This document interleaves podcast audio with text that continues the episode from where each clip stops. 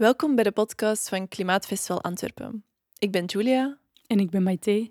Wij zijn beide filosofen en ook host van deze podcast, waar we in gesprek gaan met verschillende interessante denkers, ondernemers, kunstenaars, doeners, filosofen en zoveel meer dat heeft mij zo geëmotioneerd om oog in oog te staan met mensen die echt hun wereld aan het verliezen zijn. Omdat bij ons is dat heel vaak een topic over de toekomst. Maar bij hun, zij stonden daar niet om voor een toekomst te strijden, maar omdat zij al onrechtvaardig behandeld zijn geweest en omdat zij daar aan het strijden waren voor de mensen die zij al verloren waren en voor de dorpen die al verloren zijn. In deze context ben ik in eerste plaats een klimaatdiplomaat. Dat wil zeggen uh, dat ik België uh, vertegenwoordig tijdens internationale besprekingen waarbij klimaat en milieu op de agenda staan. En daarnaast ben ik verantwoordelijk voor het federale klimaatbeleid. Het gaat over het activeren van alle federale hefbomen om onze uitstoot te verminderen. En het is dus mijn bevoegdheid om een geïntegreerd federaal klimaatbeleid te ontwikkelen om dit vervolgens uit te voeren en tenslotte om het te controleren. Een praktijkcase, dus echt een eengezinswoning. Hoe ver kunnen we nu eigenlijk gaan met dat circulair bouwen in de realiteit? Gewoon Vlaamse context, echt met een opdrachtgever die zijn wensen heeft, een beperkt budget waar we rekening mee moeten houden, stedenbouwkundige eisen en zo verder. Dus je kunt naar klimaatverandering kijken als zeg maar, een praktisch probleem, waardoor we allerlei oplossingen moeten verzinnen. En dus of het nou gedragsverandering is, technologie of whatever. Maar je kunt ook zeggen, nou ja, wat bedoelen we eigenlijk met, als je een begrip als global warming hebt, wat bedoelen we eigenlijk met het globale karakter van dat probleem? En zijn onze manieren van nadenken over problemen, zijn die eigenlijk wel geschikt om zulke grote problemen aan te pakken dat ze globaal zijn?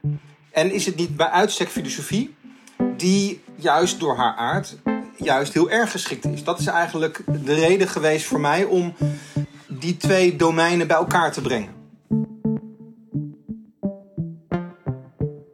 Dus het is wel heel interessant dat ons systeem fundamenteel aan de kant staat van degene die in macht is eigenlijk.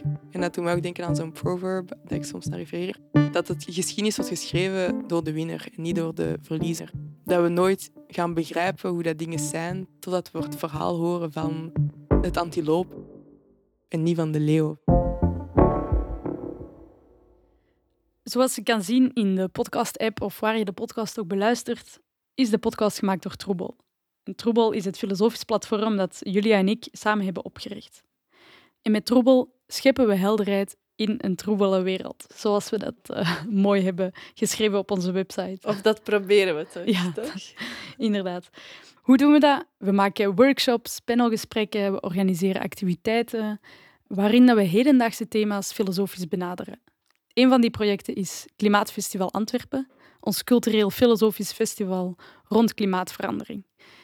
In het festival benaderen we de klimaatproblematiek niet op een exact wetenschappelijke manier. We kijken niet naar cijfers en statistieken, ondanks die natuurlijk heel erg belangrijk zijn, maar we kijken naar de filosofische vragen die deze problematiek oproept. Vragen zoals welke waarde heeft de natuur? Wat is de toekomst van wonen?